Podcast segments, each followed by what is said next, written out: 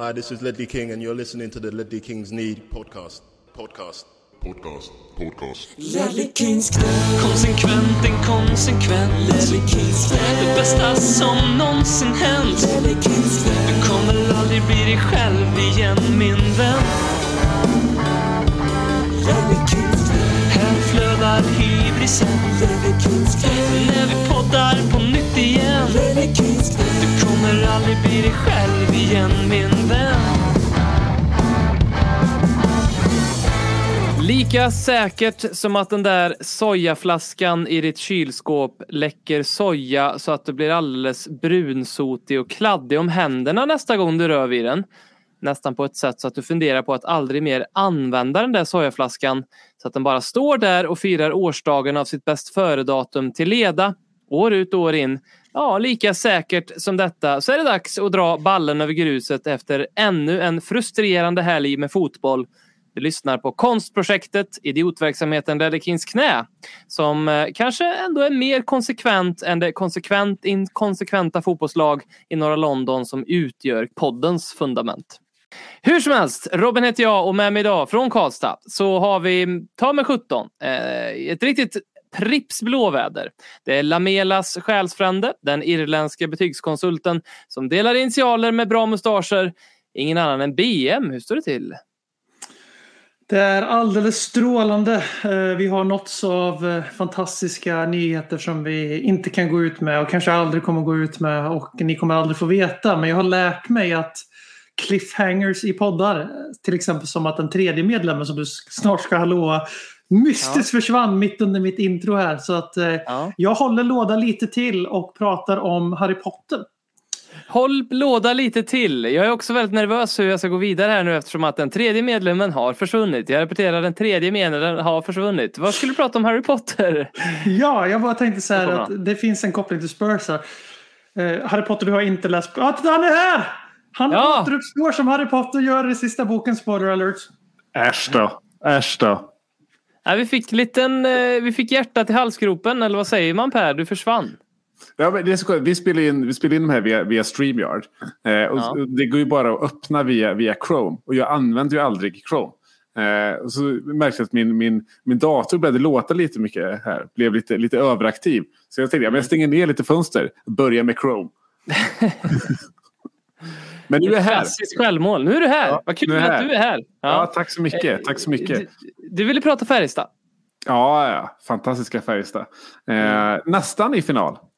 Mm. Hoppas att det inte Famous har... eh, Jag, jag har ju varit en ganska... Jag har ju varit en riktig greve på att jinxa de här senaste veckorna. Så jag antar att jag har gjort det igen nu. Men vi... Eh, vi det, det, var, det, var, det var ett tag sedan vi fick se vårt kära Färjestad i, i final här. Och det var ännu längre sedan vi fick se guldet komma hem till Karlstad igen. Så vi får se ifall det kanske kan finnas någonting att glädjas åt den här våren. Jag säger bara för att ge dig lite tröst här. att När jag flyttade till Karlstad första gången så vann Färjestad SM-guld.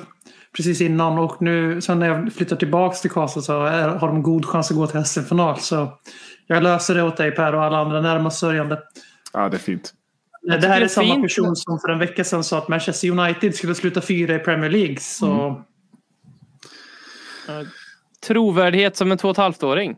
Eh, alltså, det är något fint i att Färjestad vann ju senaste gången SM-guld 2011. Om inte jag är felunderrättad. Och eh. Luleå tror jag som har knipit den andra finalplatsen. Det här är alltså hockey vi pratar om nu. Det här, den här sporten man spelar på is. Eh, de vann senaste gången och den enda gången de har vunnit eh, 96. Jag kommer ihåg nu Tony som bodde på min gata som var från, var från Luleå. Som har pratat om det där eh, SM-guldet 96. Jag tänker lite på Tony eh, idag ifall det skulle vara så att Färjestad inte räcker till hela vägen att i alla fall han blir glad. Men jag tycker det är fint med när man tittar på eh, svensk hockeys eh, ja, vin, vi, historiska segrare, mästare. Så är det lite strösslat liksom. Alla lag. Det är så en, en liga ska se ut. Det är liksom inte bara City, Liverpool, Chelsea vart, vart, som delar på att vinna ligan hela tiden utan det är en jävla blandning. Eh, det ser ut som att liksom man bara har kastat tärning helt enkelt. tycker Och du var jag lite snäll finns mot Liverpool och deras enstaka ligatitel på 30 år. Men jag förstår liknelsen. Mm. Eh, Jag tycker det är så det ska se ut i sport. Eh, Hörni, Running Man vill att vi ska prata fransk litteraturhistoria idag eftersom att det sannolikt är lika intressant som vår fotboll. Har ni någonting på fransk litteraturhistoria på uppstuds? Ja, jag, jag, jag vänder mig till BM som är, som är lärare. Det, det, det, det Ja, det det. Fransk litteratur är ju, det var ju min ma- major när jag läste på universitetet i Leeds som kontaktade mig nyligen. Och, eh, Eh, jag läste då de icke-fiktiva verken av Rousseau och Montesquieu och grabbarna där Voltaire och kompani pratade om det perfekta samhället och staten och kontraktet mellan medborgare och samhälle. Och eh, även boken Emil som jag rekommenderar varmt att ni alla läser om ni vill förstå hur det mänskliga psyket fungerar och vad medborgarens roll i det demokratiska samhället borde vara. Eh, Och påpekar också att eh, de här filosoferna, i alla fall vissa av dem, tyckte att partier inte var en bra grej som att det göder splittring snarare än enighet. Och nu när Macron precis vann presidentvalet som sittande president för första gången på 20 år i Frankrike så känner jag ändå att det ger den här filosofen eh, lite vatten på hans kvar. Ja. Det här med samhällskontrakt, är det Leviatan det? Det är det säkert. Ja. Va- Varför är det så att om man är gammal och fransk och har skrivit en bok så är man också en filosof? Alltså alla franska gamla författare är också filosofer. Sartre. Just, just de här är ju från 1700-1800-tal så de jag ja, nämnde. men de är också eh, Rousseau, alltså de är, det är väl också filosofer, eller? Jag, Ja, ja. jag, jag, gav, jag läste kanske 20 sidor av Äcklet av Jean-Paul Sartre. Sen la jag ner den och tänkte det här ska jag aldrig mer plocka upp igen. Jag vet inte riktigt. Har, är det någon av er som har provat den, eller? Nej, nej, inte det. Men jag läser med Leviatan och det. Eh, men det, det, är, ju- det är för att man måste göra det när man läser statsvetenskap. Eh, så det, är- det är väl inget det. jag liksom re rekommenderar eh, som liksom lite sommarläsning nu här. Nej. Vi skiter i det. Och så går vi istället på... Ja, Ja, absolut ja. Nu för tiden, jag har lagt märke till eh, att coffee table-böcker nu för tiden är mer såna här typ Vogue fotoböcker och inredningsmagasin. Det är nya tidens eh, foto, eh, coffee table-böcker. Det gör mig väldigt besviken. Eh, tycker jag. mm, ja, men Även bra. eh, våran ko- poddkompis Leonard eh, från eh, EFL-podden, eller Championship-podden. Han eh, har ju två böcker. Eh, en om fotbollens klubbmärken och nu en om ishockeyns klubbmärken som jag har sett många använder som coffee-tv-böcker. Men det är ju en sak. Det är i alla fall någon form av uttryck för den man är. Alltså man har ett särintresse i, i klubbmärken och klubbars historia och sånt. Jag håller helt med dig att det är väldigt identitetslöst och själslöst att ha ja, lite som jag tycker om sådana här fotoramar. Nu, det här är säkert inte ens aktuellt längre, men för en, några år sedan, det är säkert fler än jag tror nu, så blev det väldigt mycket inne att ha sådana här fotoskärmar som var digitala bilder i. Som snurrade runt på loop som man bara satte överallt för att, Mm. som någon form av rullande bildspel. Te- tekniken tog ännu ett steg och man fattade man kunde slänga upp det på sin tv-skärm eller på sin monitor överallt. Eh, Och det har jag alltid tyckt att, att ha liksom sådana fotoramar med digitala bildspel är otroligt själslöst. Eh, Det, kan, det här är jättelänge sedan det. Så att det, Jo, det jag kom bara på det när du pratade om... Du ser, jag har ju, eller jag, jag har ju en analog bild här bakom mig här som, på två barn som jag inte är helt säker på vilka det är. Men jag tror att det är min sambo och hennes lillebror. Jag hoppas det, annars så blir det obehagligt. Du hittade den på något loppis någonstans. Ja. Också identitetslöst, eller själslöst kanske. Ja. Nej, alltså det är tvärtom. Det är supertydlig identitet. Om, om, du- om du köper bilder på barn på loppisar. Det är inte ett dugg identitetslöst. Det säger allt om din identitet. Det är identifierande. Ja. Och har du bilder på barn, så, dina egna barn, så identitetslöst. Det finns ju alltid, när man är på loppis så finns det alltid den där Var, gråtande var ska du ta vägen barntavlan. nu? Eh, grå, gråtande barntavlan tänkte jag ta vägen till. Som jag alltid, när man alltid står och liksom bläddrar bland tavlor på, på loppis så hittar man alltid gråtande barntavlor. Eh, nåväl, eh, Karin har skickat in en, en eh, eller jag tror inte hon skickade in, jag tror att vi snor det här från en, en, en tweet som eh, hon skrev i veckan eh, om vi har någon unpopular Spurs opinion. Alltså en impopulär åsikt Tottenham-relaterad som skulle få dig cancelled av Tottenham, låt oss säga Tottenham Sverige eller den sfär man vill umgås med i Tottenham-kretsar. Eh, har ni någon sån? Ben. Det finns väl några stycken man kan dra av på rak arm. Det finns några som är lite harmlösa först. Jag vill börja med att säga att eh, Robbie Keane var en bättre fotbollsspelare än Jermaine Defoe.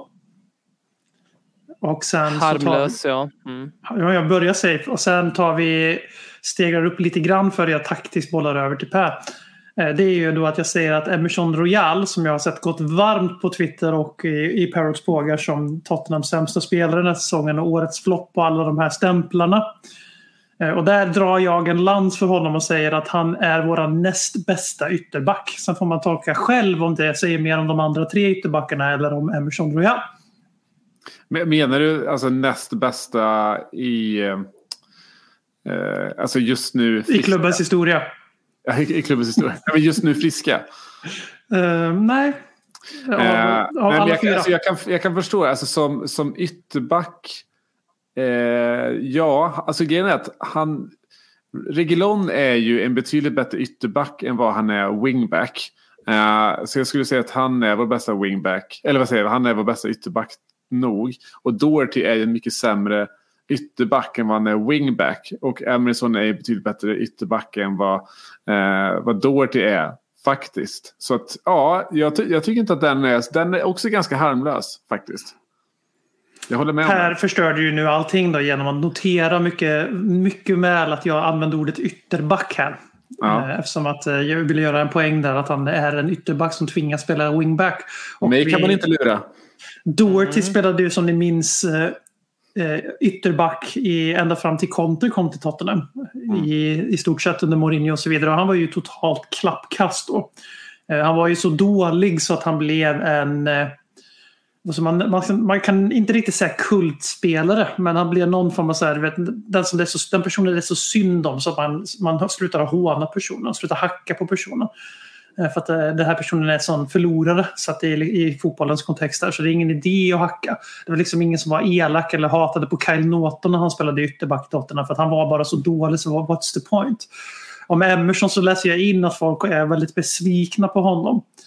Eh, istället för eh, att bara acceptera att han precis som att Doherty hade den ursäkten väldigt länge han spelar ur position och inte, inte ska vara wingback alls.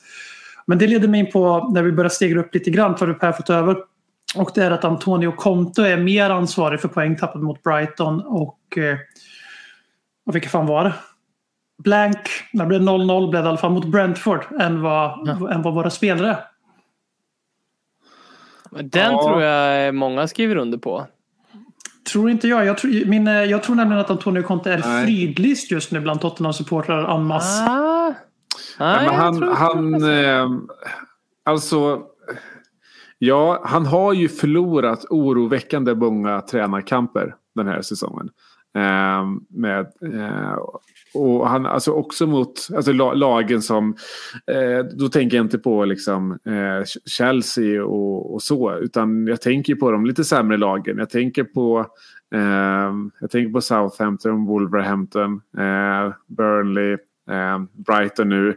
Eh, jag tycker att Aston Villa egentligen och, och Steven Gerrard fick oss dit de ville. Bara att vi kanske hade lite, liksom, lite väl bra utdelning eh, på våra chanser där. Men jag tycker framförallt, framförallt mot Brighton håller jag med dig. För där var det precis som vi var inne på förra veckan.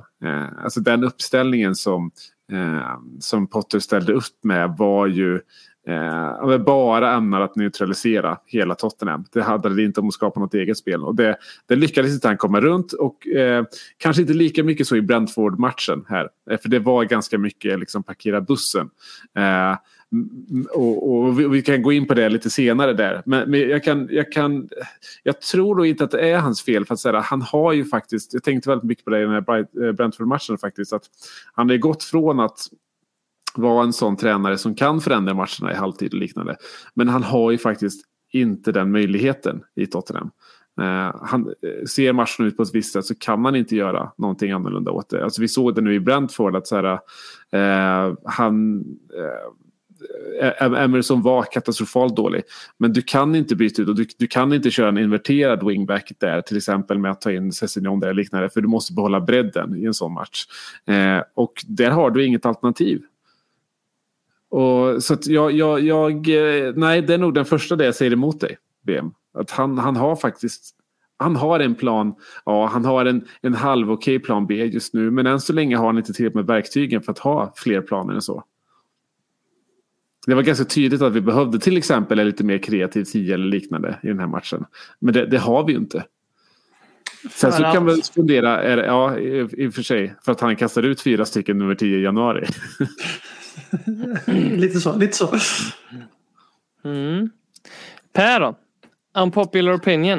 Nej, men jag tror att min, min starkaste åsikt eh, eh, som jag har kring som, som är väl hyfsat impopulär, är ju att jag, jag tar kulor för Daniel Levy. Alltså jag tycker att Daniel Levy är eh, kanske den bästa ägaren i, i, i, i fotbolls-England och fotbolls-Europa. Eh, det finns kanske någon enstaka som är, som är bättre, men jag tror att det ägandeskapet vi har i klubben, eh, vi kommer inte på något sätt kunna hitta något bättre eh, struktur än, än den vi har. Den tror jag är ganska impopulär. Den tror jag, Jag tror kan bli också. cancelled för. Mm. Jag delar den också. dock. Men, eh, men- men jag delar den inte riktigt fullt ut, det, det gör jag inte. Men däremot så noterar jag att eh, Livi-hatet har ju svalnat eh, väldigt mycket senaste tiden. Och det, alltså det är ju väldigt, vad ska man säga, när, när vi verkligen underpresterar då, då, då, då kommer ju den som ett brev på posten. Klarar vi liksom Champions League här nu, gör ett bra transferfönster, även om vi inte skulle vinna något på ett par år, så, så är Livi ganska safe och så, så kommer en svacka och så får vi en ny, ny Nuno-typ vid rodret eh, och så blir vi åtta. Då, då, det är ju alltid då Livi liksom, eh, korten läggs upp på bordet. Liksom. Exakt. Och jag ser inte på något sätt att han är perfekt. Alltså att, att, vi, att, vi, att, det, blev, eh, att det blev nu då i sommar är ju ett litet bevis på liksom, de, de, de dåliga sidorna med Livi. Att han inte... Eh, att, att, han inte att, att han verkligen han går för fullt först när han är inträngd i ett hörn. Som nu, nu när, när vi när jag hade den kassastart när han måste satsa på Conte för att liksom rädda sitt eget skinn och rädda klubben på något Mm. sätt.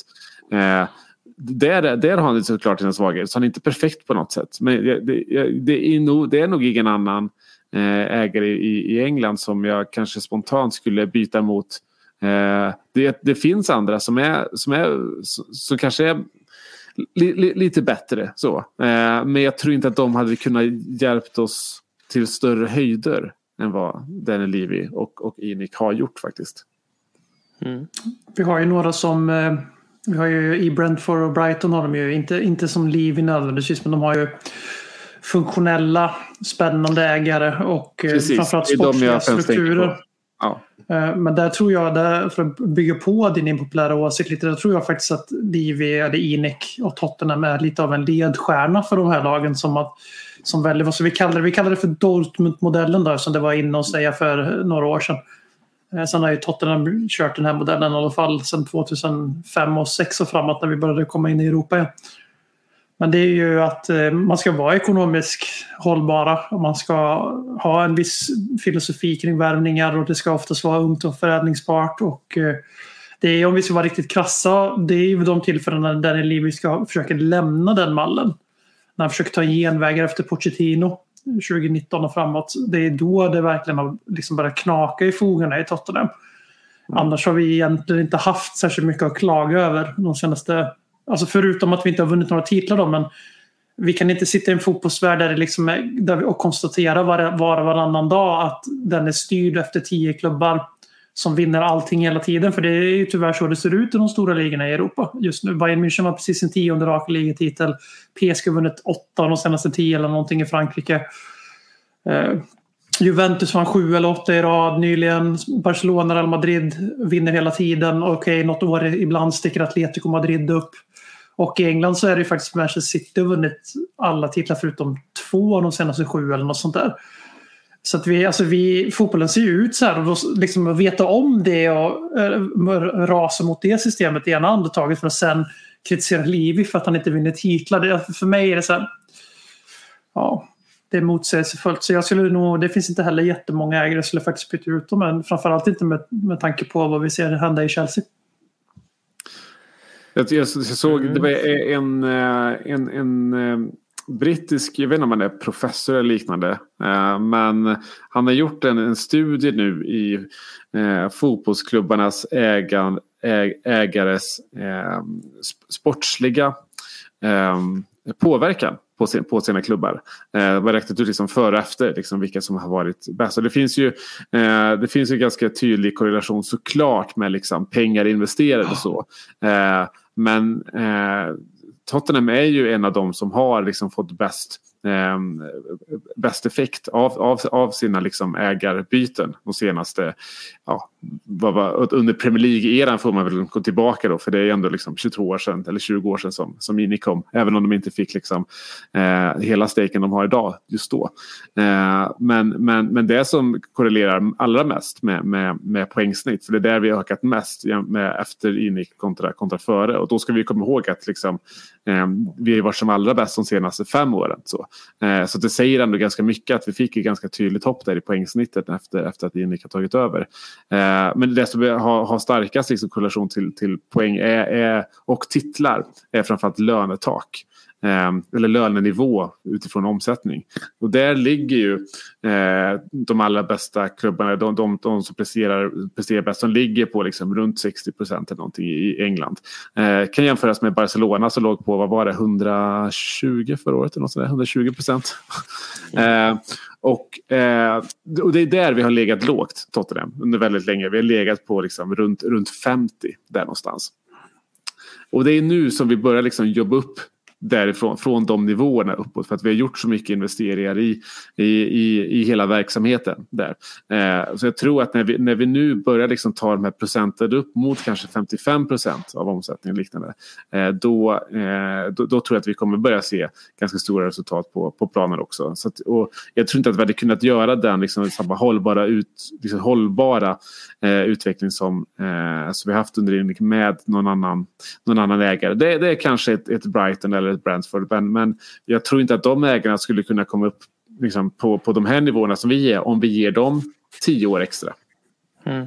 Men det är ju verkligen det som är, jag tycker Danny Levis, den, tryggheten med honom, det finns, det sportsliga är inte det som gör att jag är mindre positivt inställd till honom än vad, vad ni är. Utan det har mer med allt runt omkring att göra med att superligan och eh, pandemin, hanteringen där och att jag tycker att det finns ingen röd tråd i, i liksom sportsliga beslut som, som ändå han är till syvende och sist ansvarig för även om det finns en sporting director och sådana saker. Blivit bättre med Paratici och så.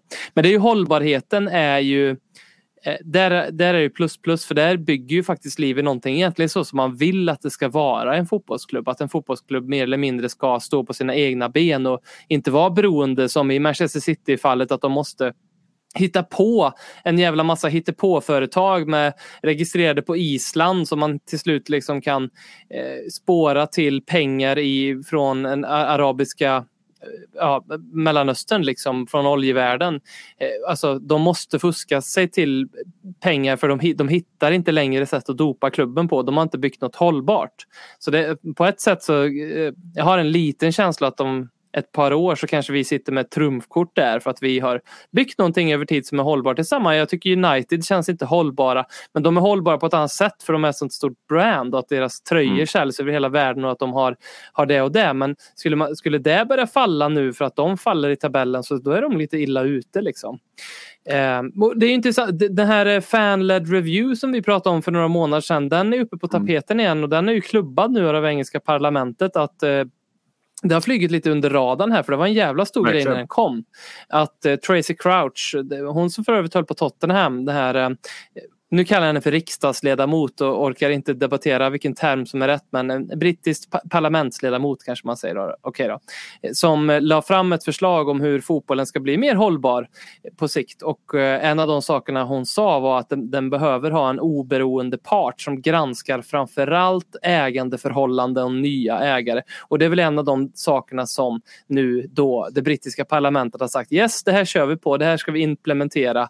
Och vilket är ju mer eller mindre, för en av parametrarna i det var ju att det ska vara etiskt eh, och moraliskt eh, etiskt och moraliskt eh, bra ägare som tar över fotbollsklubbar helt enkelt. Och, eh, så, så, att vi kanske har sett vår sista liksom, oljeshejk. Vi kanske har sett vår sista eh, mördar-oligark ta över en Premier League-klubb.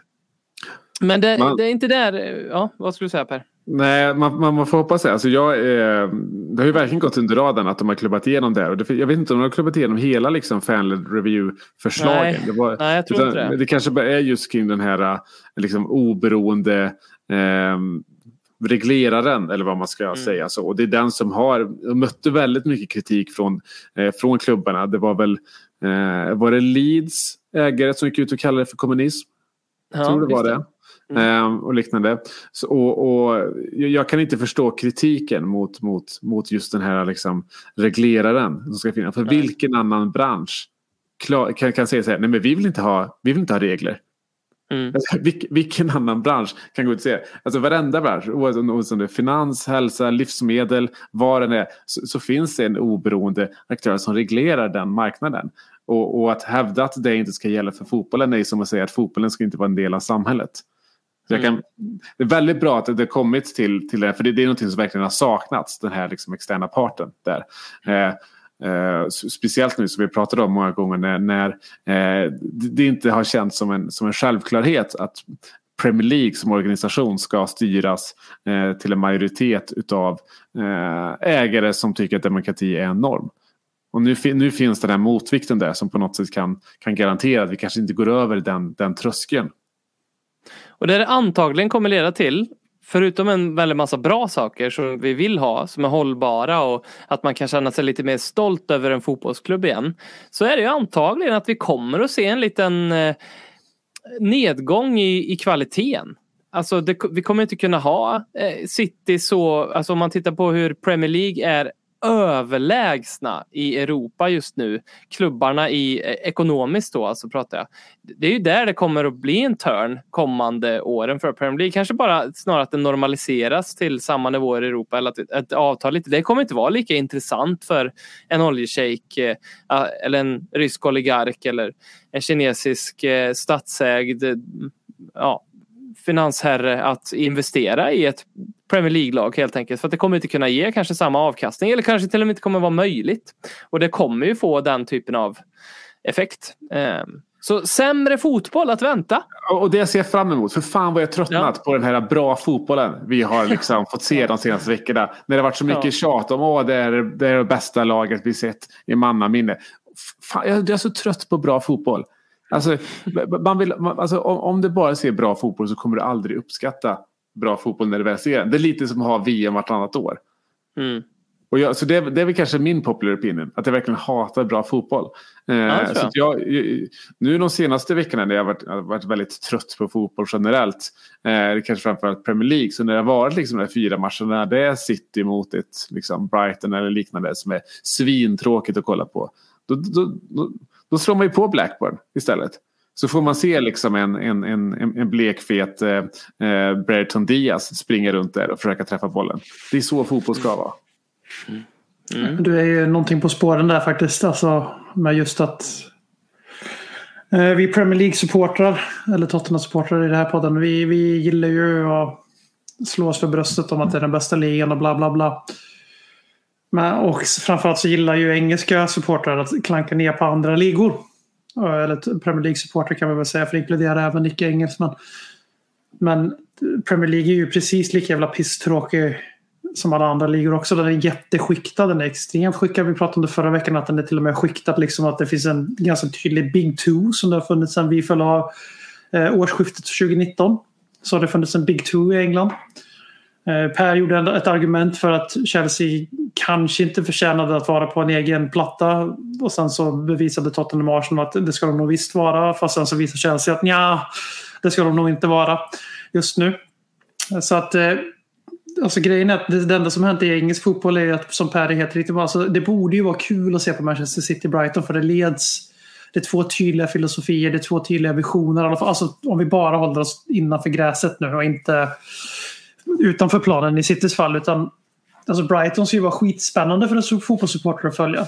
Med sin hållbara modell och sin supertydliga vision om hur fotboll ska vara och sina ställningstaganden och allt de gör. Men det är helt meningslöst att titta på dem när de spelar mot något annat lag som eh, inte är ens eget eller som ligger från plats 8 till 14 i tabellen. För att det finns inget underhållningsvärde i det. För att det, det, man vet vad matcherna kommer sluta på förhand och sen så snackar vi upp det som att det är i Premier League alla lag kan slå alla där som att det verkligen händer så jävla ofta. Det gör ju inte det. Och där har vi en till impopulär åsikt eh, så- eller, som är riktad mot andra supportrar. Eh, Att, att det kallas för Spurs är ju helt, det är ju bara liksom det är ju hjärndött. Men det är kanske inte impopulärt bland Tottenham-supportrar hoppas jag. Däremot så tycker jag att eh, Tottenham-supportrar som omfamnar begreppet och använder det som ett slagträ mot sin egen klubb, de ska nog titta sig lite i spegeln tycker jag. Mm. För vi, vi får bära skam för någonting som händer i fotboll. Så, ja, ett lag på övre halvan förlorar mot ett mittenlag. Spursy. Man bara, ja. För det, det är som Per är inne på, det händer så sällan i fotbollen nu så det är en grej så vi har ett begrepp för det. Mm. Det är ganska tragiskt. Vi var inne på unpopular opinions. Vill ni höra mina innan vi bränner vidare eller? Ja. Ja, vi bara väntar på det. Jag och Per, vi, vi har ju politik spelat ut det här nu. Nu kommer de riktiga här. Ja, okej. På plats nummer ett. Cliff Jones var sjukt överskattad. ja, bra. bra. Han- Han var bara snabb. Det var allt han Ja. hade. Han var bara snabb. Ja. Du menar var- Gareth Bale fram tills han började ta anabola där under AVB? Ja, han, han var inte så snabb. Så att han, eh, eh, han har, hans legacy kan gå och dränka sig. Men jag håller Eh, med. Jag tycker, man- jag, tycker, jag tycker man ska stryka alla fotbollsspelare före 1990. Eller före 2000 kanske. Före 98. Alltså, Sjukt viktigt att du skär bort 86. Så att inte hot Ja, ja. men det- för- ungarna kommer att prata om Maradona. framförallt Kolla 86. på eh, ett av de mest upphåsade målen från eh, FA-cupfinalen 1981 när Tottenham vinner mot Manchester City. Mål. Och Rick, Ricky Villa gör ett mål. Vill, alltså, och folk pratar om att det är det, är det finaste målet som har gjorts i en FA-cupfinal.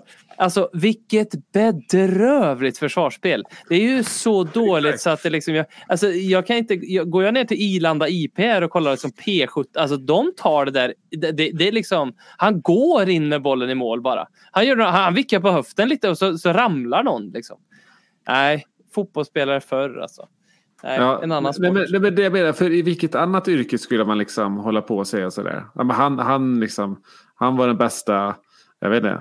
eh, han byggde hus så jävla bra där på liksom, eh, 1860-talet. Men de, de blåste ner så fort vinden kom. Han var, han var bra för sin tid. Liksom. Nej, men, Gaudi, världens bästa arkitekt. Ja, men hans jävla kyrka är fortfarande inte, hans katedral är fortfarande inte klar. Alltså han var ju inte, hur är han fantastisk då? Alltså det, han är ju inkompetent.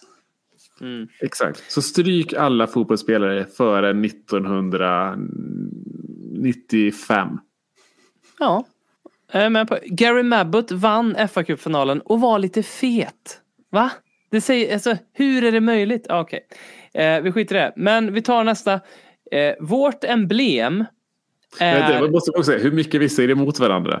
Eller säger emot oss själva. Att vi, att vi börjar det här segmentet med att bara säga, fan vad man vill se liksom lite blekfeta spelare spela fotboll. Och sen så direkt så bara, åh stryk bort alla blekfeta fotbollsspelare. De är så jävla dåliga. Jävlar. Konsekvent, inkonsekvent. Ja.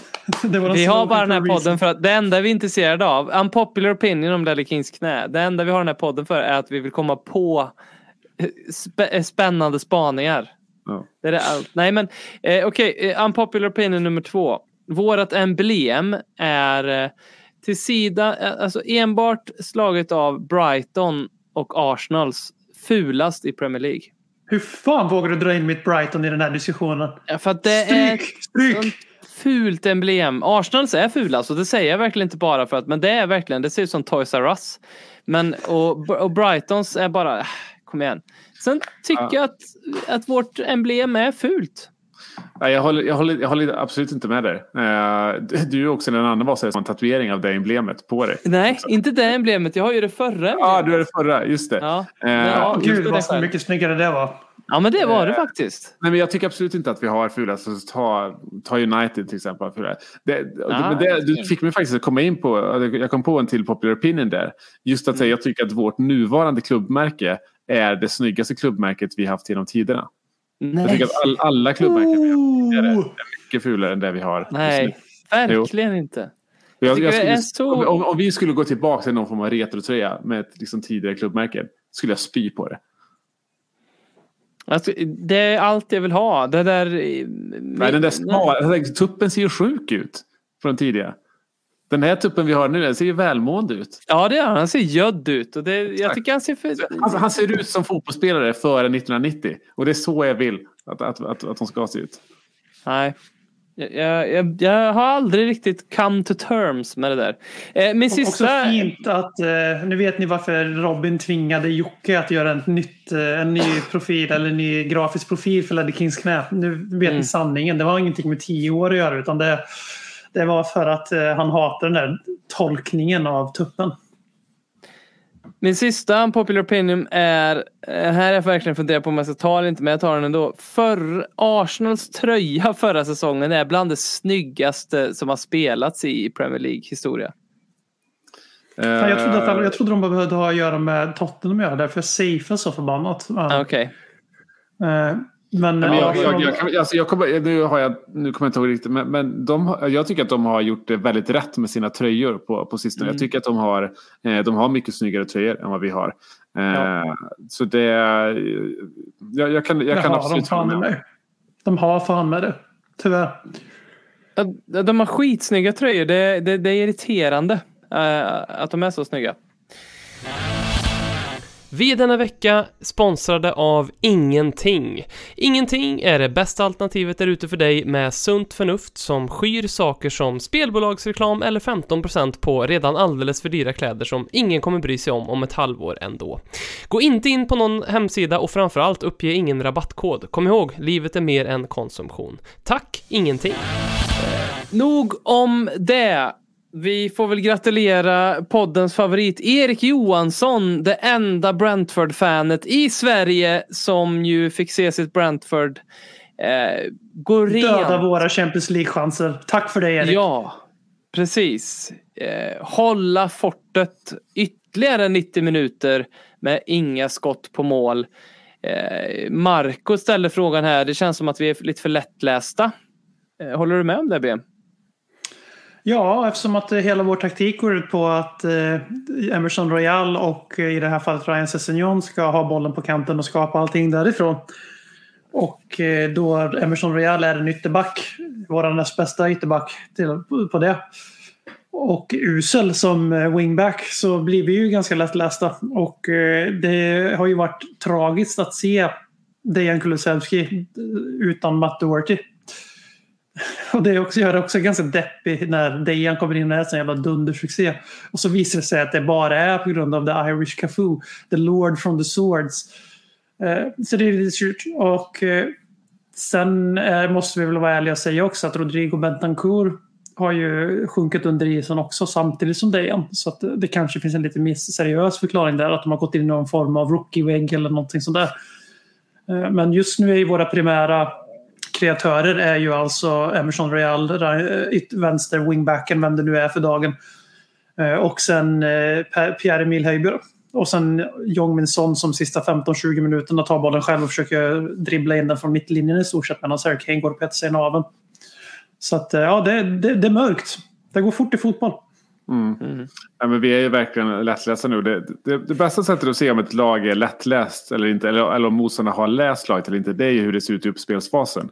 Ja. Eh, och det är där som vi verkligen har misslyckats totalt de senaste två matcherna. Eh, vi har varit vana med att se att eh, Romero eh, tillsammans med Bentancur har, har lyckats, eh, lyckats bryta två, tre motståndarlinjer i varenda uppspelsfas. Nu de här två, tre matcherna så är de två som kanske har varit våra, våra sämsta spelare. Eh, och det säger en hel del om, om, hur, om hur lättlästa vi är. Och jag, jag sa ju förut att ja, Konto har ju liksom inte, inte några alternativ. Liksom. Och det har den ju inte utifrån, eh, utifrån den uppställning vi har nu. Men jag, jag tycker att är du så lättläst och du märker att du, du kör fast liksom, andra matchen i rad då måste du ju testa någonting. Alltså, då får du gå över till en 4-2-3 för att försöka liksom över, överbemanna på mitten istället med, med, med Dejan där inne så, och, och, och, och flytta upp den som vi har som, som vänster wingback för att, ehm, eh, för att köra en fyrbackslinje där bak helt enkelt. Eh, väldigt förvånad över att vi inte har eh, sett det. Att, att när, vi, fast, vi överger inte det här eh, det här väldigt så här, breddade spel som vi försöker. Det, var, det var därför som man inte kunde byta ut Emerson i den här matchen till exempel. För att han, han ville inte offra bredden där. Eh, och, eh, och, och, och Emerson var ju ja, vår alltså absolut sämsta spelare. Eh, det, men, jag- men jag tycker faktiskt synd om honom. Eh, för man ser hur han, han gör de här löpningarna gång efter gång efter gång. Djupledslöpningar och han får aldrig bollen. Och, och han, han kanske heller inte ska ha bollen. Men jag tänker så här, ge honom bollen någon gång då så han inte blir ledsen. Eh, för nu, nu, lite nu, är det liksom så att ja, han, han, de ger honom bollarna i uppspelsfasen när han tappar bort dem. Men de ger honom inte bollarna i offensiven när han gör rätt löpningar hela tiden. För det, det, det, de första bollarna vi ska lägga på, det, det, de första löpningarna här. Det är då vi, vi ska lyckas bryta ner motståndarna när de ställer upp så som de gör. För det var flera gånger, även fast Brentford hela tiden låg lågt, det var flera gånger de inte gjorde det när han gjorde löpningen och han får inte bollen. För att det är ganska tydligt att hans medspelare inte litar på honom. Ja, och det är, där, det, det är så typiskt för honom det här med att prata om hans roll. Liksom, att han, han uppenbarligen har tagit till sig vad hans roll ska vara. För han är så här, textboksexempel på, eller skolboksexempel på någon som vet i teorin vad han ska göra. Alltså man springer ju upp och ner för den här högerkanten konstant. Men det som Per säger att motståndarna låter ju honom ha bollen i vår uppspelsfas mycket hellre än att Romero har den. Eller att, framförallt för vi vill inte, de vill inte att bollen ska nå Bentancourt på, på mitten. Eh, som, det är helt klart det är de två som är våra playmakers på egen planhalva. Eh, och då styr man ju helt enkelt ut spelet på, i, på Royal i alla lag. Gör det. det är inget nytt, det har varit så för tidigare säsongen också. Då har vi lyckats anpassa oss runt det och hittat andra sätt att såra motståndarna just för att de lämnar hela högerkanten öppen i stort sett. Men nu har det ju kommit till en punkt som Per är inne på att våra egna spelare slutar använda högerkanten trots att den är öppen. Eh, och då känner jag liksom att då, får man ju, då har man som tränare ett ansvar att, att göra någonting. Även om han är låst vid det här och hans trupp är vad den är. Han har ingen naturlig högerback. Jag håller med Per om att vi kanske inte ta in någon inverterad sak där på höger. Men då kanske man får lov att testa Lucas Mora just för att han är högerfotad. Men kanske framförallt så får man kanske lov att kasta in Marcella Vinier. Bara för att. Ja, faktiskt. Alltså för- för att visa liksom-. För att det är ju liksom, som, ni, som du är inne på om Royal, det, är- det är klart han är för dålig för Tottenham. Det är klart han är för dålig att vara wingback. Han ska inte vara det. Eh, och han, revisionismen om hur dålig värvningen är, det, det är en annan sak. För att eh, han- precis som alla andra som värvades till Nunos system, är vad de är. Likadant de som värvade till Mourinhos system. Och, så, och det är lätt att säga att fotbollsspelare ska kunna ändra sig. Bara, men det, hur jävla stor skillnad är det på att spela högerback och spela höger wingback? Ja, det är rätt stor skillnad i, i, i Contes lag. Kolla på Matt Doherty, han var helt värdelös som högerback. Man har någonting som offensiv ytterback för att han har offensiva instinkter. Han vet vart han ska löpa. Han kommer fan på andra bollar i straffområdet på andra ytor som en anfallare. Eh, han blir rånad på ett mål för någon vecka sedan. Liksom, där jag kommer inte ihåg vem det var som dök upp precis framför honom och gjorde målet istället. Men eh, det, är liksom, det här är inte saker som bara gör så med. Så kan en fotbollsspelare göra så. Det går ju, går ju an liksom i korpen och på lägre nivåer såklart att säga åt dig Robin att spela vänsterback trots att du är högerfotad och sådär. Men när du spelar Premier League liksom, då kan inte du bara ah, jag vet att du inte behärskar den här rollen men du ska gå in och göra ett jävla jobb ändå. Eh, och du ska göra ett lag som inte är funktionellt och du ska göra ett lag som just nu inte hittar några lösningar. Och du är en av de bärande spelarna för det här lagets offensiva kreativitet. Eh, ingen press, men det löser du va? Eh, sen viss grundläggande funktionell teknik som att inte slå en sidledspassning 15 meter framför vänsterbacken och ut i inkast. Svårare att snacka bort. Det är så väldigt svårt att snacka bort. Det som jag sitter och blir så frustrerad över är att jag tycker att vi saknar så tydligt en game changer. Ändra då i, på, i eh, Contes eh, fotbollsfilosofi. Att vi ändrar en uppställning eller gör något lite kanske radikalt eller progressivt så. Eller det att vi kan slänga in en spelare som vi hade för några år sedan som är en Jorente som vi helt plötsligt kan langa eh, bollar på. Eller för den delen, vi var när, nära på att värva Adama Tra- Traoré. Det, det händer alltid saker. Det blir kaos när Adama Traoré kommer. Man vet att han kommer lösa någonting.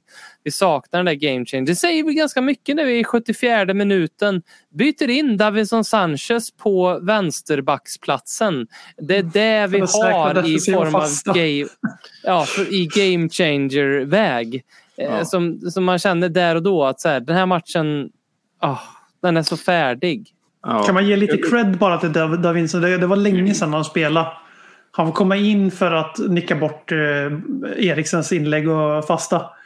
Men han är alltså uppe i straffområdet i en så här, tvättäkta Romero-löpning och skapar den enda situationen i hela matchen som jag kommer på på rak arm där vi har ett tryck i deras box i alla fall mer än 20 sekunder när bollen pingar runt det. det var, han vinner någon boll, han vinner en andra boll också. Och sen så passar vi runt och skjuter och bollen blockas. Så det, vi har, det är ungefär 78-79 någonstans när bollen studsar som en flipperkula i deras box i en minut. Och det är vår bästa period av sustained pressure i hela matchen.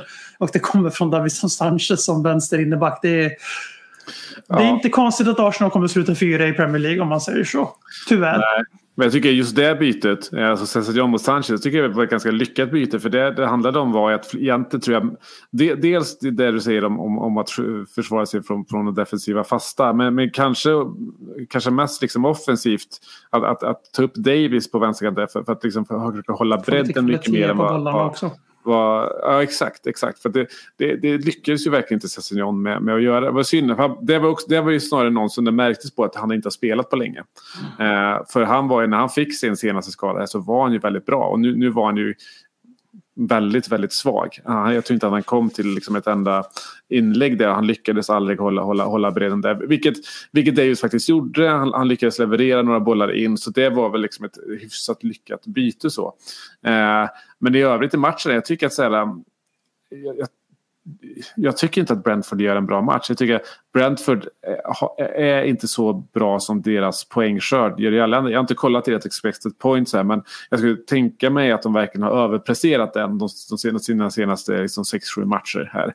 Eh, för alltså, jag tycker att det, eh, det de, ja, de lyckas neutralisera våra, våra kanter, våra uppspelsfaser men eh, de gör det genom att offra allt sitt eget eh, spel egentligen. Och det, det, det är fair play för dem, det är så de ska göra. Men, men jag, tycker, jag, tycker, jag tycker inte att de, de gjorde liksom...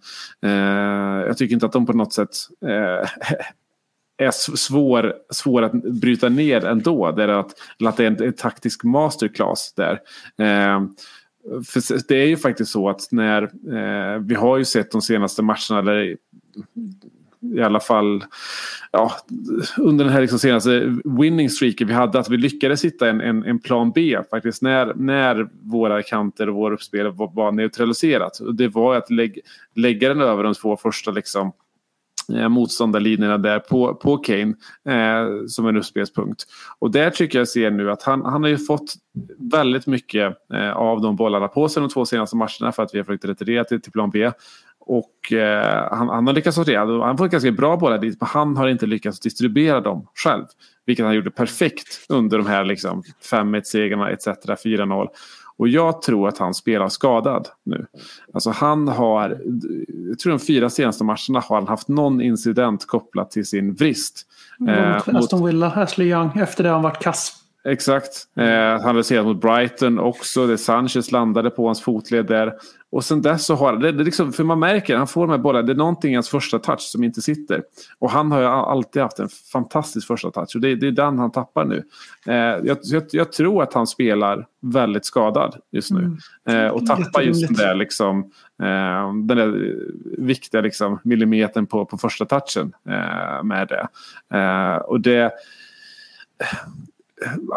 man, man, man, kan tycka att det är väldigt olycksbådande inför, inför liksom, eh, framtiden här. Man kan också se det från att säga ja, han har en vecka mellan varje match. Du kanske ska, ska han liksom lyckas. Eh, kanske kommer han känna sig bra till nästa match. Det inte känns liksom så. Man, man, man vet ju inte, men jag, jag tror att han spelar skadad. Mm. Den här typen av match har all för lång tid i eh, modern Spurs historia varit vår Leviatan. Varit den där besten vi inte kunnat svälja. Alltså lag som neutraliserar oss, som ligger lågt. Vi vinner inte den typen av matcher i den utsträckning jag känner att vi behöver. Men jag tittar lite på spelschemat här och funderar på om vi har mött vår sista Leviatan för säsongen. Eh, Leicester är ju absolut inte eh, vad jag förväntar mig. Möjligtvis att Burnley väldigt oklara Burnley som ju tog tre poäng här nu senast också. Kanske, Sju av kanske blir nio det- som de sparkar Daesh. Ja, kanske blir det mardrömsmöte i maj där när Burnley ska säkra kontraktet. Precis då man inte vill möta dem. Och, men, men då tror jag inte heller de kommer spela Leviatan fotboll och eh, liksom utan då kommer de nog vara på, försöka vara på the front foot om man säger så. Norwich vet jag inte liksom vad de håller på med. Det, det är rörigt och sådär. Så att jag, jag tror det kan vara vår sista match. Det, det får mig att bli lite optimist eh, inför vad som komma skall. Även om jag är ganska säker. Som du sa nyss BM här att jag, det känns väl som att det, det är Arsenals eh, topp fyra. Problemet för oss var att vi hade topp fyra i våra egna händer. Det, det, det skulle aldrig ha hänt. Då hade vi aldrig varit i den här situationen. Vi skulle aldrig haft det i våra egna händer. Vi ska, bara, vi ska jaga den där jävla topp fyra. Då har vi en chans på den. Alltså vi har ju faktiskt fortfarande topp fyra i egna händer. Så att vi kan ju fortfarande faktiskt... Vinner vi fem i rad så går vi till Champions League. Yes. Eh, så är det ju. Men, men alltså, för nu, nu blir det liksom väldigt starkt så från att jag går från eh, vi tror att Champions League är i princip klart till att säga, det är helt 100% kört. Och ingen av de två är ju sant. Eh, och jag, jag, ska, jag ska inte sitta här och säga att jag tror att vi tar Champions League. För det, nu är det ju Arsenal som sitter i förarsätet. Men det är ju också bara det det här innebär. Nu är det de som sitter i förarsätet. Eh, och med tanke på hur snabbt det här ändrat sig för oss på bara en och en halv vecka så kommer det komma en chans till för oss att ta den där Champions League-platsen. Eh, sen kommer vi absolut inte göra om vi, om vi fortsätter så här, men vi kommer få en chans till. Eh, för nu tror jag visserligen att Arsenal kommer vinna mot, mot West Ham här. De har ju match på, på torsdag precis som, precis som Leicester har. De har sitt fokus på liksom sitt Europaspel där. Eh, sen så ska vi till, eh, till Liverpool eh, och, och, och det är ju man kan ju inte räkna med att ta med sig någonting därifrån. Men, men så länge vi kan komma till den där matchen mot Arsenal och ha, är det så att vi kan Vi vinst i den matchen ta oss inom ett så här, tre poängs inte, inte försprång, men tre poängs avstånd från Arsenal. Så ska vi inte glömma bort att de har ju ganska tufft schema efter de två matcherna också. Eh, alltså de har ju därefter, har de ju, de har ju Newcastle borta matchen efter oss. Newcastle sen i januari, det finns bara ett lag i ligan som är bättre än dem poängmässigt och det är Liverpool. Så att möta Newcastle borta, det hade inte jag velat göra. När jag känner att jag får inte förlora den här matchen. Sista matchen har de Everton hemma som förmodligen kommer spela om sitt kontrakt. Eh, och, och, eh, så det, det kommer finnas möjligheter att, att ta den där platsen igen. Även om vi är sex poäng bakom med tre matcher spelade. Eller med tre matcher kvar. Eh, Ali skjuter Tottenham till Champions League. kan bli så. Kan bli så. Eh, vi ska komma ihåg att det, här är, sam, det är fortfarande samma Arsenal som förlorade tre raka matcher när de, alltså de hade kunnat släcka topp 4-racet. Så precis som Tottenham så är de mycket bättre när de jagar fjärdeplatsen och inte, och inte försvarar den. Och eh, självklart är de alldeles för dåliga. Om vi ska vara seriösa en sekund så är Arsenal för dåliga för att kunna räkna hem någonting. Även om de, har egna, även om de sitter i förarsätet. Problemet är väl att man kände att Tottenham var inne i en extrem formtopp och Arsenal gick äntligen till slut ner till sin norm igen efter att de hade ju en extremt lång period när de mötte lag som var placerade 11 och neråt och vann och vann och vann och vann och vann och förlorade mot Liverpool och vann och vann och vann igen. Och vi, och det, liksom, det var ju, innan vi gick in i april så låg vi 6 eller 7 poäng efter Arsenal. Eh, och sen så flög vi om dem jävligt fort och sen så har det svängt igen på en vecka där de lyckas slå Chelsea och Manchester United. Så två matcher de inte borde ha vunnit. Eh, Chelsea är ju på gränsen att man ska utreda för matchfixning. Det är den inställningen de visar och det säger, jag tror inte att de la sig på riktigt men däremot så säger det om hur välmående Chelsea är just nu och det är inte alls. För det var bland det mest patetiska jag någonsin har sett i en så kallad derby, om det ens förtjänar att kallas det. Eh, jag kan garantera att West Ham som kommer spela B-laget och utan någon helt ordinarie backlinje eftersom alla är skadade eller avstängda kommer att eh, göra en bättre insats mot Arsenal än vad Chelsea gjorde trots att det är ett betydligt sämre fotbollslag. Eh, för det säger, Chelsea är den enda klubben i världen tror jag som jag är beredd att tro på sådana här teorier om att de, de förlorar gärna matcher så länge det missgynnar Tottenham. Eh, det har hänt förut om man säger så i modern tid. Och de, har, de, de firade ju sitt kryss på Stamford Bridge här 2016 som om de vann någonting. Jag vad var de det året? Var de åtta eller något sånt där när de lyckades kryssa hemma mot mäktiga Tottenham. Eh, så de är den typen av klubb. Eh, att Arsenal sen slår United är ju, om vi ska vara ärliga här, är ju bara det är tur. De har, de har med sig VAR i första halvlek och sen så gör Xhaka ett drömmål när United håller på att äta upp dem trots att United har fått de här mentala käftsmällarna. Så jag är fortsatt inte särskilt imponerad av Arsenal men mitt problem är att de här två insatserna där vi såg ut som vi gjorde i, under den mörka december, januari månaden med Conte. Men framförallt som vi såg ut under Nuno att vi vet hur lång tid det tog att höja nivån sist. Och nu har inte vi, vi har ingen, vi har ingen startsträcka kvar. Vi måste vara ett annat lag igen på, mot Leicester och sen så måste vi fortsätta vara det laget i alla fall fyra av fem matcher. Okej om vi inte kan slå Liverpool borta, det, det är inte jättemånga lag som gör det. Men jag tror att vi kommer behöva ta 12 poäng. Och eh, jag tror helt enkelt inte att Tottenham är tillräckligt färdigt som lag som det. Och här vill jag passa på att kasta in att nu känns det som vi hade den här typiskt Tottenham med bottlestämpel och sånt som vi har haft väldigt länge. Att vi hade ju fjärdeplatsen i någon flyktig dag eller två. Eh, där vi faktiskt hade det helt i egna händer. Vi kunde rycka ifrån Arsenal med, så vi låg tre poäng före dem om vi hade slagit Brighton. Då. Och det var ju förutsatt att vi visste på förhand att de skulle förlora mot Southampton. Eh, det är svårt att veta dock tyvärr. Eh, så det är ju en överskattad bottling. Det enda lag som har bottlat någonting här än så länge är ju Arsenal som gick in i april med 6-7 poängs försprång till Tottenham. Att de, att de fortfarande inte har det i egna händer när vi går in i omgång 34 det är ju faktiskt de som har bottlat. Sen är det ju så att det går inte att snacka bort heller att vi hade två omgångar i rad där vi kunde via Brighton och se in i framtiden så kunde vi ryckt. Det är ju omöjligt men jag förstår känslan av att det, att det var en tappad möjlighet. Och sen att man kunde tänka sig att Arsenal tappar poäng mot United och sen slår vi Brentford. Det kändes ganska sannolikt men det blev, det blev inte så. Eh, men eh, grejen här är att också vi måste komma ihåg att Arsenal har haft Arteta som tränare i tre år. Jag hävdar att de ligger före i sin process. De, de är ett för dåligt fotbollslag för att bli fyra. De håller på att göra vad Pochettino nästan gjorde sin första säsong när han blev femma. Fast det var, vi var inte redo för att bli femma egentligen. Vi blev sexa hans första säsong kanske. Eh, de håller på att ta en genväg upp i Champions League.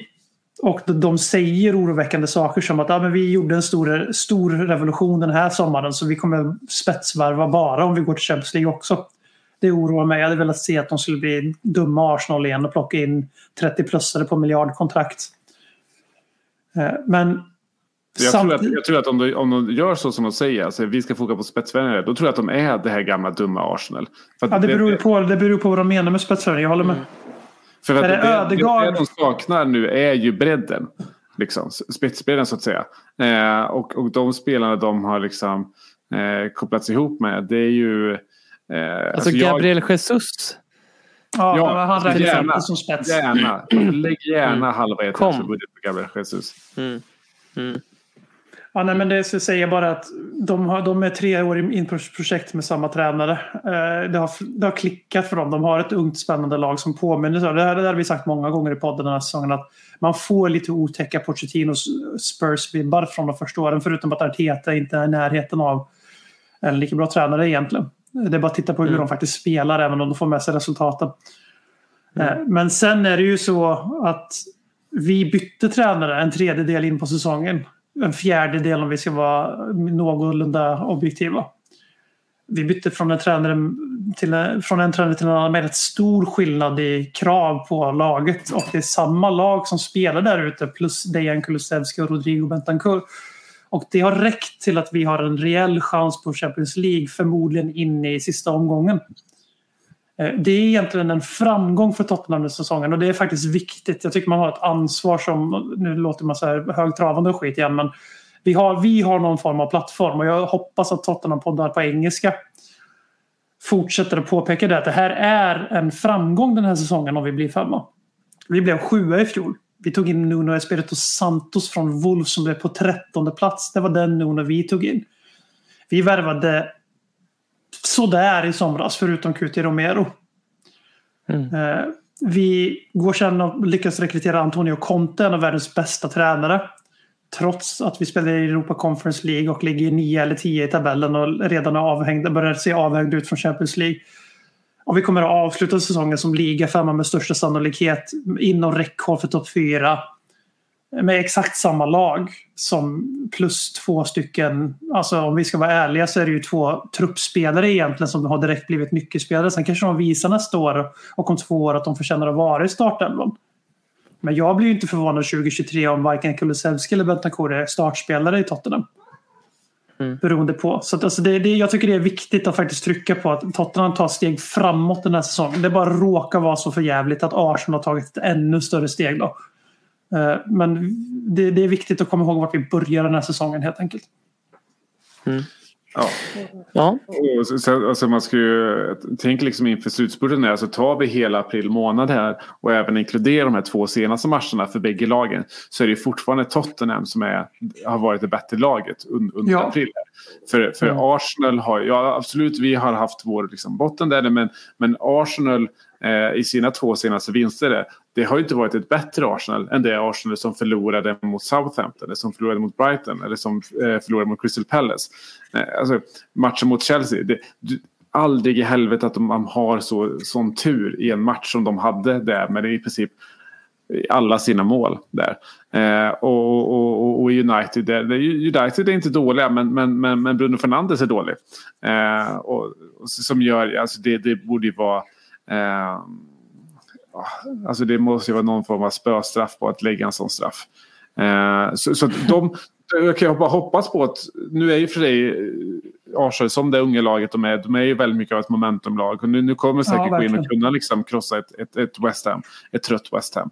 Men de är inte så här bra. Att de liksom, eh, liksom bara daskar av eh, Chelsea och United så. Eh, med, med, med, med två måls marginal. Det är de inte.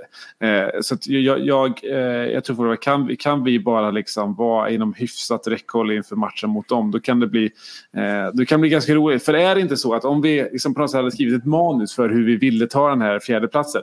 Är det inte så att vi hade velat göra det genom att de torskar sin sista match hemma mot Everton och vi vinner vår och vi tar oss till Champions League. Så det hade varit absolut bästa. Hellre det än att vi har ett sex poängs försprång. Och att vi tar dem på målskillnad på grund av att vi vann North London Derby. Då. Så att vi hamnar på samma poäng på grund av att vi vann North, North London Derby. Och sen så våran målskillnad gör Chef's kiss. Och- och- om jag får drömma- Minus sju när Conte kom in i målskillnad så hade vi minus sju. och om jag får drömma lite att vi på vägen fäller krokben för Liverpool så att inte de vinner ligan.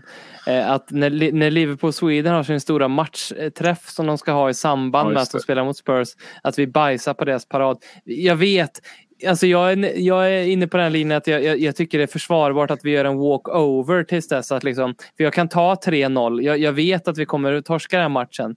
Eh, jag vet att det är det vi kommer göra men jag bara liksom, om jag får drömma lite Oh, what a wonderful world this would be. Alltså jag har en bra, jag har en bra känsla inför Liverpool-matchen. Jag har det. Jag vet att det är en bit bort men jag, jag har haft det i flera veckor nu. Alltså det, Vi har de senaste åren presterat bättre och bättre mot Liverpool. Eh, vi skulle ha vunnit den matchen nu senast.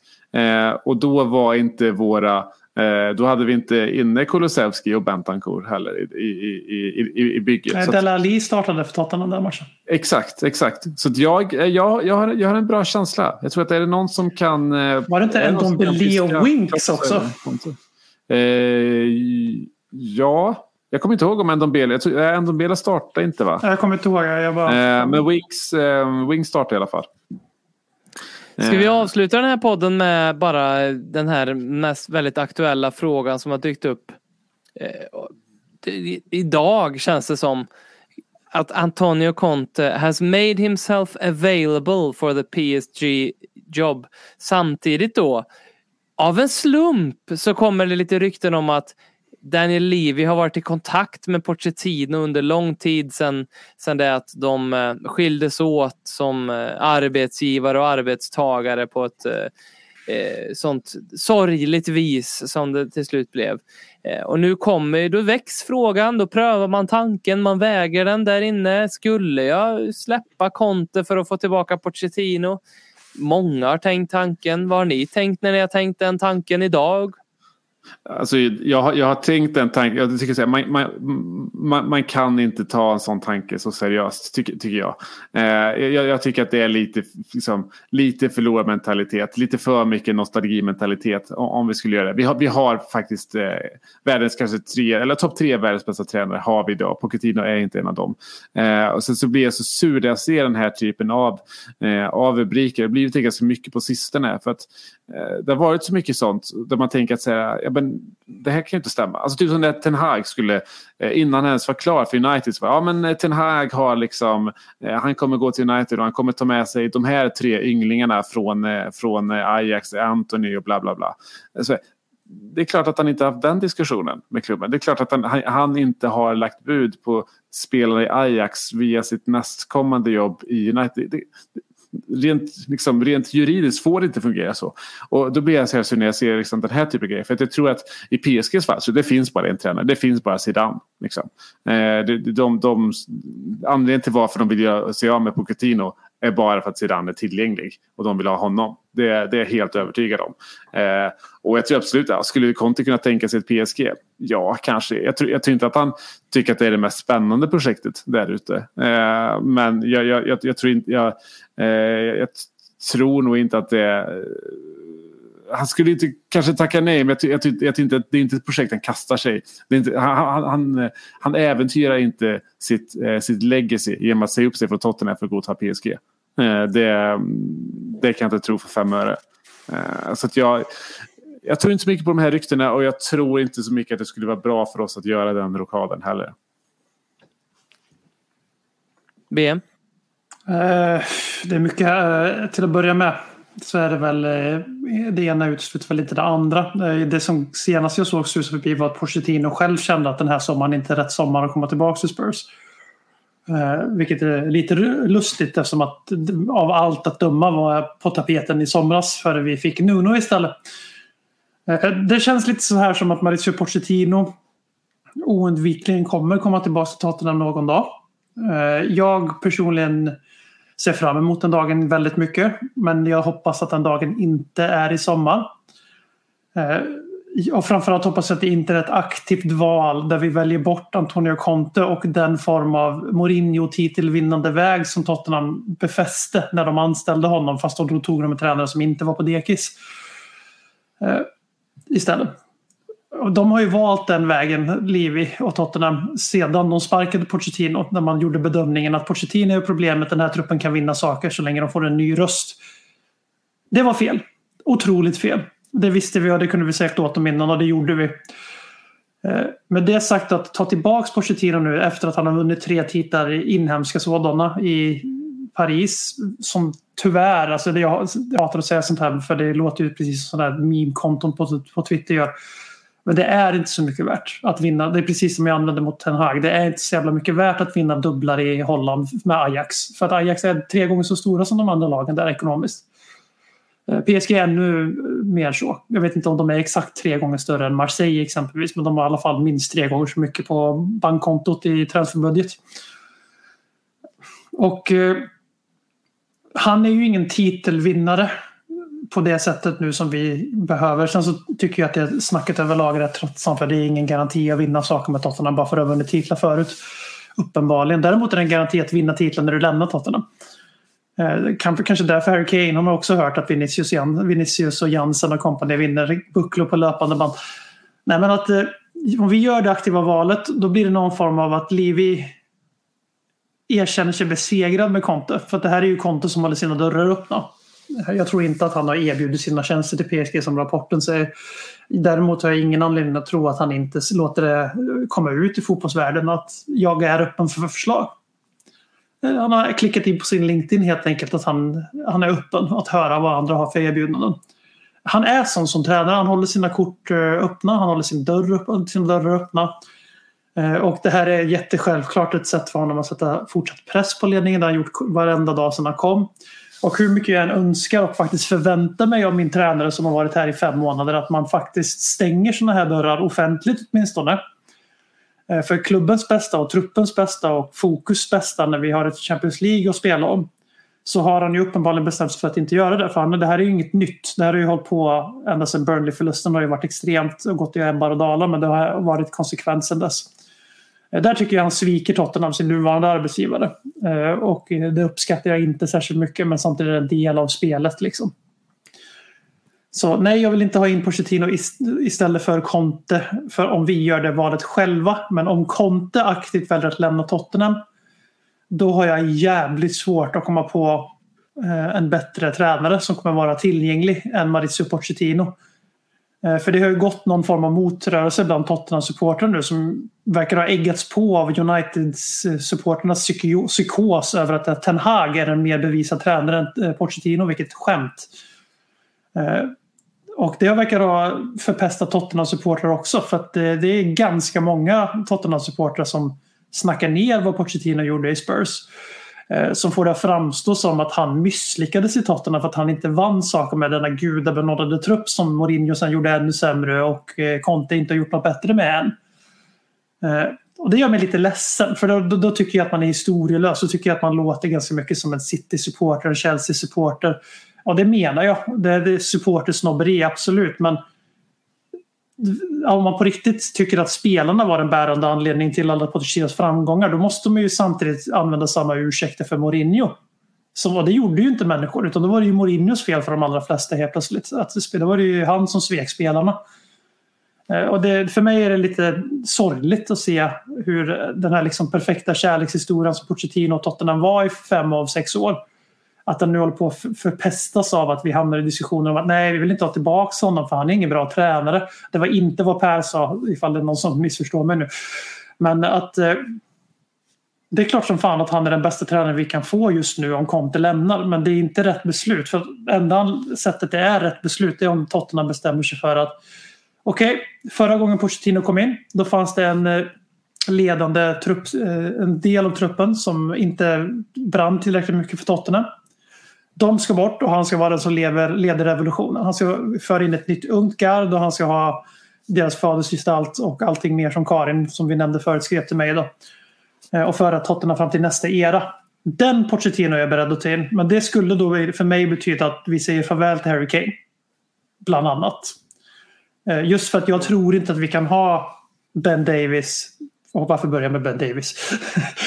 Hugo Lloris, Jong Min Son, Harry Kane, Eric Dyer som ledande spelare i en trupp och få tillbaks Pochettino och försöka återskapa magin. För då kommer det bli som att vi tar in Pochettino som en titelspecialist, vilket han inte är och vi kommer bedöma honom som att han ska göra någonting som vi inte kommer klara av med stor sannolikhet. Utan jag vill för hans skull och hans rykte och hans minne i klubbens skull och för all del för Tottenhams skull att han ska komma tillbaka den dagen vi vill börja om på riktigt och bygga upp det han gjorde förra gången. Ett hållbart projekt som är, in, som är starkare än en enskild sommarfönster. Där är vi inte nu, utan just nu håller vi, håller, har vi valt en annan väg och då ska vi stå fast vid den vägen. Så för min väg är Contes väg just nu. Så Maurizio, ta nu, ta nu lite ledigt. Och så kommer du tillbaka här om Mm. två, Ett tre år. år.